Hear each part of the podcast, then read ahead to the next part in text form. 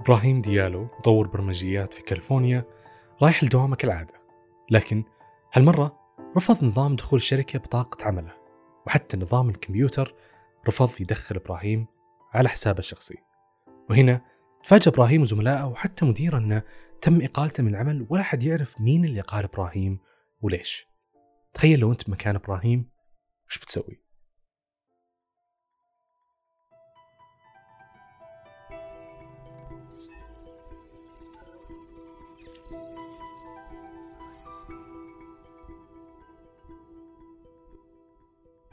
مرحبا جميعا. أنا خالد القنيعة وهذا بودكاست عالم جديد المقدم من زين السعودية. مثل ما نشوف حياة أجدادنا مختلفة ونحاول نتخيلها من قصصهم. حياتنا كذلك بتكون مختلفة عن أحفادنا مع ثورة التقنية والتغيير. القرن الواحد والعشرين هو قرن ثورة التغيير في حياة كل شخص فينا. صرنا ننجز أمور حياتنا اليومية بطريقة أسرع. بضغطة زر واحدة أقدر أتواصل مع أي شخص في أي مكان. أقدر أتسوق وأنا في البيت. بضغطة زر واحدة العالم كله صار في مدينة.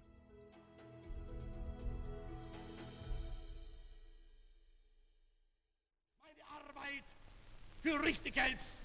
Ob du glaubst, dass ich fleißig gewesen bin. في الوقت اللي العالم كله مشغول بالحرب العالمية الثانية ما بين الألمان وحلفاء أوروبا كان في شخص اسمه ألان تورنج يشتغل في مشروع بريطاني سري. كان هدفه فك شفرات رسائل الجيوش الألمانية. لأن الألمان كانوا يستخدمون آلة تشفر رسائلهم. اسمها الانجما تخيل من قوة التشفير تحتاج فريق عبقري يشتغلون سنين عشان يفكون شفرات الألمان اللي يغيرونها كل 18 ساعة. يعني من النهاية كان فك الشفرة شيء مستحيل. لكن ألان تورنج فكر بطريقة غير. قال بدل ما إحنا الفريق نفكر ونفك الشفرات اللي تتغير كل شوي ليش ما نخترع آلة تفكر بدالنا؟ ذاك الزمن كل اللي حوله ما كانوا مستوعبين فكرة وجود آلة تقدر تفكر مثلنا كبشر. والحين الآلة صارت موجودة. هذه الآلة نسميها الذكاء الاصطناعي.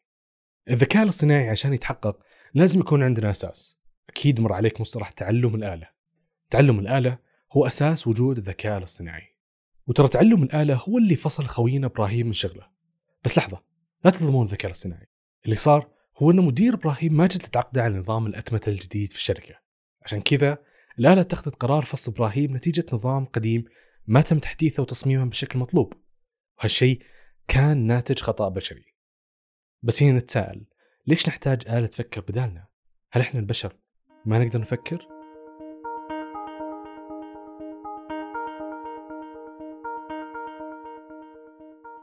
شركات كبيرة مثل أمازون مستحيل تقدر تعين آلاف من الموظفين عشان يفهمون ذوق كل زبون ويتتبعون اهتماماته ويسوقون له المنتجات اللي تناسبه ولا يمكن لجوجل حتى أنها تخصص موظفين يحصرون المواقع اللي يبحث عنها كل شخص في محرك بحث ضخم بالبيانات هنا يعجز العقل البشري إنه يحل كل هذا مثل ما عجز ألن وفريقة إنهم يفكون شفرات الالمان. تعلم الآلة ساعد الأطباء في تشخيص الحالات والعمليات الجراحية، وتعلم الآلة أيضا ساعد المسوقين إنهم يوصلون للعملاء الصح لمنتجاتهم. لو حابين تعرفون أكثر عن تعلم الآلة في مجال الطب ومجال التسويق تحدثنا عنها في حلقات سابقة تلقون رابط الحلقات في صندوق الوصف. وعشان نعرف أكثر عن تعلم الآلة قابلنا المهندس يحيى خوجه آه اسمي يحيى خوجة المتخصص في الذكاء الاصطناعي. درست الذكاء الاصطناعي في الدراسات العليا في أمريكا وبعدها عملت في هذا المجال في شركات مختلفة مثل أمازون وإنفيديا ويسرني التواجد معكم. قبل لا نفسر ليش تعلم الآلة موجود بحياتنا؟ سألنا المهندس يحيى وش يعني تعلم الآلة؟ تعلم الآلة ممكن نعرفه ببساطة إنه هو آه طريقة برمجية للتعرف على الأنماط في البيانات. فخلينا ناخذها ونفصلها هذه حبة حبة ونشرح كل آه، جزء بوضوح أكبر. فاولا نبدأ بطريقة برمجية، إيش المقصود بها؟ يقصد بها إنه تعلم الآلة هي برامج آه، فيها أوامر للحاسب الآلي آه، والأوامر هذه تساعد الحاسب الآلي في طريقة قراءة البيانات وتحليلها. والآن نجي للجزئية الثانية، الحاسب الآلي قرأ البيانات وحللها فكيف يبدأ يتعرف على آه، إيش في داخل البيانات؟ هذه من أسرار. فالطريقة إنه في التعرف تختلف على حسب أنواع البيانات سواء كانت صور أو مثلا مقطع صوتي أو كانت مثلا جدول في بيانات عملاء وعمليات بيع وشراء. آه، فعلى حسب نوع البيانات يبدأ يتعرف الآلة من خلال النظر لهذه البيانات في زي ما يسموها دورات. يعني يشوفها مرة مرتين ثلاثة أربعة. وبالعمليات الحسابية آه، من خلال التحليل اللي بتصير في كل دورة ابدأ بالتدريج يتعرف على الأنماط أو الأسرار اللي هي داخل البيانات هذه. والآن اسمح لي أجي على آخر جزئية اللي هي آه، الأنماط في البيانات. آه، وأحب أوضحها بمثال بسيط. فمثلا إذا أي شخص بدأ يتفرج مقاطع على اليوتيوب أو فيديوهات على اليوتيب راح تبدأ تلاحظ بعد فترة إنه اليوتيوب حيبدأ يقترح عليك أو البرنامج يبدأ يقترح عليك مقاطع مشابهة أو مقاطع قد تثير اهتمامك أو تثير اهتمام آه، المشاهد. فكيف يوتيوب عرف إيش يقترح عليك من مقاطع؟ هي بسيط ببساطة إنه نظر لنمط مشاهدتك للفيديوهات السابقة. فمثلا خلينا نقول اتفرجت أنا فيديوهات كورة لفريق معين. راح تبدا مثلا تشاهد إنه يوتيوب يا اقترح عليك مقاطع للاعب في هذا الفريق سواء مثلا ميسي أو كريستيانو رونالدو أو يبدأ يقترح عليك مثلا لحظات تاريخية للفريق اللي أنت بتتفرج عليه أو يبدأ مثلا يقترح عليك مقاطع لمباريات كورة أخرى مشهورة آه، مثلا ما لها علاقة بالفريق أو اللاعب حقك لكن تظل في نفس الرياضة. بالتالي إيش سوى يوتيوب؟ آه، كان في برنامج في الخلفية آه، ياخذ المعلومات بطريقة آلية اللي هي معلومات مشاهدتك السابقة ويبدأ يحللها ويتعرف على ما فيها من أسرار أو أنماط وبدأ يلاحظ إنه نمط هذا الشخص أو هذا المستخدم إنه يحب مثلا رياضة الكورة يحب مثلا الفريق الفلاني وأيضا يحب اللاعب الفلاني وبالتالي راح أقترح عليه فيديوهات آه مثلا تماثل هذا النمط وبالتالي تزيد احتمالية إنه المشاهد يشاهد فيديوهات جديدة. مقترحات اليوتيوب اللي يعرضها علينا هي جزء من تعلم الآلة اللي قاعدة تحاول تفهم وش نحب نتابع. لكن بعض المرات لو نلاحظ أن في مقترحات بعيدة عن اهتماماتنا تماما هل هذا خطأ من الآلة؟ الواقع إنه إنه برنامج يوتيوب قاعد يختبر نفسه وأيضا قاعد يختبر المشاهد. فإيش أقصد بهذا هذا الشيء؟ أفترض إنه مثلا أنا اليوم كنت بتفرج مقاطع كورة لأنه اليوم مثلا عطلة نهاية الأسبوع وما عندي شيء وفاضي. لكن مثلا خلال وسط الأسبوع أنا أبغى أتفرج مثلا أخبار أو بتفرج آه، مثلا آه، مقطع تعليمي في صناعة معينة أو شيء. ما أبغى أتفرج مقاطع كورة. فإذا أنا آه، برنامج اليوتيوب أو تعلم الآلة في يوتيوب فقط أعتمد على إنه يظل يقترح علي مشاهد أو مقاطع كورة فهذا الشيء ما راح ينفع معي كل يوم. وبالتالي يسموها نوع من التجربة في البرنامج نفسه إنه هو يقترح عليك مقاطع صحيح لا تتماشى مع نمط المشاهد السابق لكن هو نوع من التجربة والاختبار. هل المشاهد راح ينجذب لهذا المقطع الجديد آه، الخارج عن النمط السابق آه، أم أم لا؟ في قصة آلن كم الواضح أن الآلة هنا تغلبت على التفكير البشري في فك الشفرات؟ لكن وش الفرق الجوهري ما بين عقولنا وبين عقل الآلة؟ أركز على أكبر آه، فرقين بين العقل البشري والآلة. الفرق الأول في سبحان الله قدرة العقل البشري على آه، تعميم المعلومات أو الخبرات السابقة اللي عنده.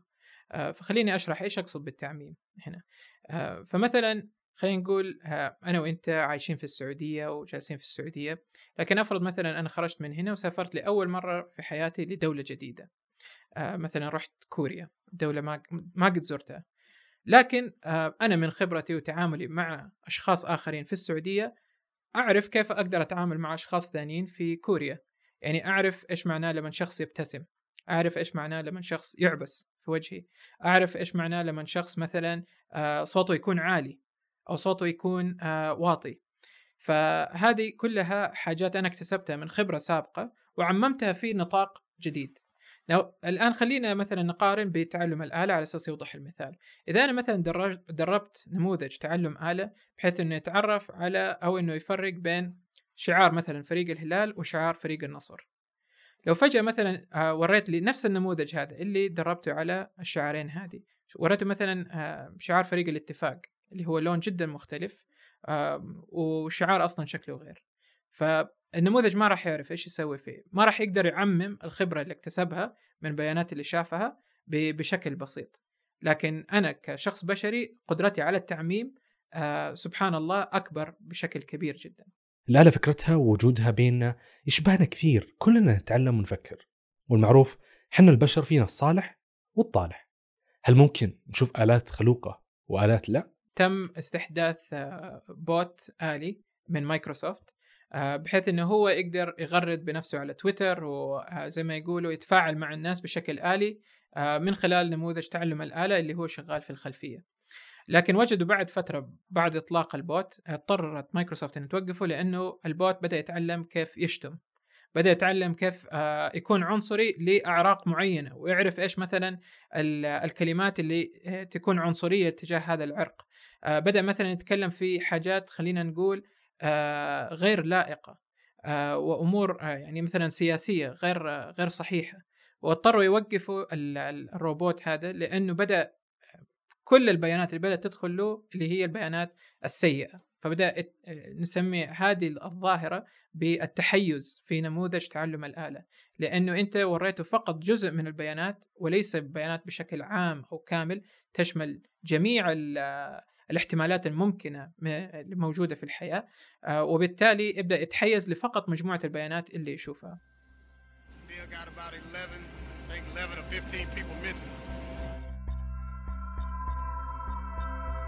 There are many checks before you get to activating the blowout preventer. That is the ultimate fail-safe mechanism and for whatever reason, and we don't understand that yet, it failed to operate. في 20 ابريل 2010 انفجر حفار بئر نفطي داخل خليج المكسيك وبسبب الانفجار توفى 11 عامل وتسرب يوميا 5000 برميل نفط وتعويضات وصلت قيمتها 428 مليون دولار. هذه الكارثة البيئية اللي دمرت حياة مخلوقات بحرية وتضرر منها سكان الخليج. كان سببها أعطال ميكانيكية سوء تقدير بشري تصاميم هندسية غير مناسبة وأخطاء عملية تنفيذية. ماذا لو كانت عملية الصيانة والسلامة دورية من قبل الآلة في آبار تنقيب النفط؟ وعملية إنتاجه. كثير من عمليات الحفر آه يعني آه راس الحفار نفسه حق آبار البترول آه يجمع بيانات خلال عملية الحفر على جميع مدى العملية. آه، من حرارة من ضغط من موجات كهرومغناطيسية موجات مختلفة وما إلى ذلك. أيوه. ففي آه، كمية بيانات ومعلومات مهولة تتجمع خلال عملية آه، الحفر. فهذه يعني كمية بيانات عالية عندنا نقدر مثلا نستخدمها ونستنبطها مثلا هل في احتمالية عالية إنه الحفار راح يعلق داخل الأرض؟ وهذه مشكلة تصير خلال عمليات التنقيب والبحث. وبرضه عملية مكلفة وبالتالي تضطر إنه أنت تستهلك وقت وتاخذ وقت لأن أنت تقدر ترجع آه، تحفر في نفس البير. فكيف ممكن مثلا نتفادى هذا الشيء أو إذا زادت الخطورة نوقف العملية أو نحاول نغير الاتجاه بحيث إنه نتفادى هذه المشكلة. آه، عملية أخرى مثلا في عملية التنقيب إنه أنت كيف تحلل البيانات الجيولوجية والأرضية من أجل اكتشاف المكامن أو وجود النفط داخل الأرض. آه، فهذه مثلا لما يكون عندك كمية بيانات عالية تقدر تحللها باستخدام تعلم الآلة آه، بحيث إنه أنت تحاول تزيد يا تزيد من سرعة استكشاف المكامن أو تزيد من احتمالية استكشاف المكامن آه، أو كفاءة استكشاف هذه المكامن وما فيها من يعني موارد هيدروكربونية. فكيف ممكن مثلا نتنبأ بفشل يا معدة معينة أو مصنع أو جزء من المصنع آه، قبل لا يحصل هذا الفشل؟ ليش؟ لأنه جدا مكلف على أي شركة سواء أرامكو أو سابك أو شركة الكهرباء إذا مثلا المصنع تعطل حتى لو لمجرد ساعات. أحيانا تعطل لمدة ساعة ممكن يكلف ملايين. لما يكون آه، عطل مفاجئ أنت ما حسبت حسابه. ليش؟ لأنه لو تفكر فيها فجأة الآن تحتاج قطع غيار. فجأة تحتاج خبرة معينة اللي آه، تحتاج تعرف فين حصل العطل وتحتاج فريق للإصلاح. وبعدين غير كذا أنت تعطل عندك الإنتاج الآن لفترة حتى يتم إعادة تشغيل المصنع. وإعادة التشغيل ترى ما هي ما هو شيء لحظي. يعني أبسط أبسط مثال من حياتنا اليومية إذا أحد كان يبغى يخبز شيء في الفرن ترى الفرن ياخذ يعني مج... ياخذ وقت لين يحمى صحيح؟ فأنت تخيل لما يكون مصنع حجمه جدا ضخم وينتج مثلا عدد كبير من سواء براميل النفط أو أو الغاز أو غيره آه، قد إيش ياخذ وقت لين يتشغل ولين الأفران توصل لطاقتها آه، أو حرارتها المناسبة ويبدأ تشغيل المصنع. فهذا كله لو حسبت حسابه راح تلاقي إنه في النهاية العطل اللي صار كان صراحة لو قدرنا نتفاداه وفر علينا تكلفة كبيرة وأيضا كان يعني ما أثر على الإنتاج. مثال آخر وواقعي وحصل وكان سبب مشكلة كبيرة جدا آه اللي هو تهريب النفط اللي حصل في خليج المكسيك جنوب أمريكا. وهذه صارت حادثة جدا آه مشهورة لأسباب سلبية للأسف. آه في آه خلينا نقول صناعة النفط والغاز والبترول وأعمال التنقيب بشكل عام. آه اللي حصل هناك أنه آه حصل في آه يعني آه نقص أو خلينا نقول آه، خلل بشري في عملية الصيانة لأحد الآبار اللي هي المغمورة أو الآبار اللي في الماء. آه، وبالتالي فشلت المعدة وخربت وصار في التسريب وبدأ يتسرب النفط في الخليج أو في الموية مما كان له أضرار بيئية جسيمة وأدى لمشاكل كبيرة. ومرة أخرى لو قدرنا نتفادى أو كان في مثلا معلومات أو بيانات قدرنا نحللها بشكل مسبق آه وبالتالي قدرنا مثلا نتنبأ أو نستشرف أنه راح يصير في عطل أو في خلينا نقول مخاطرة عالية على هذه الجزئية من المعدة وبالتالي نعطيها عناية أعلى. آه كان يمكن احتمال أن نتفادى هذه المشكلة. آه وما نتج عنها من أضرار. وجود الآلة في حياتنا ساعدنا كثير في تبسيط الأمور وحلها وفي سلامة وأمن المصانع والمنشآت. وكل ما تم تدريب وتعليم هذه الآلة كان أدائها أفضل. لكن ماذا لو اعتمدنا كليا على الآلة؟ وش الخطأ اللي وقعت فيه شركة اليوتيوب لما اعتمدت على الآلة؟ رح نعرف أكثر عن الآلة والمحتوى الرقمي في الحلقة القادمة. يسعدنا تغييركم البودكاست وشاكر لكم استماعكم. كان معكم خالد قنيعة يومكم سعيد.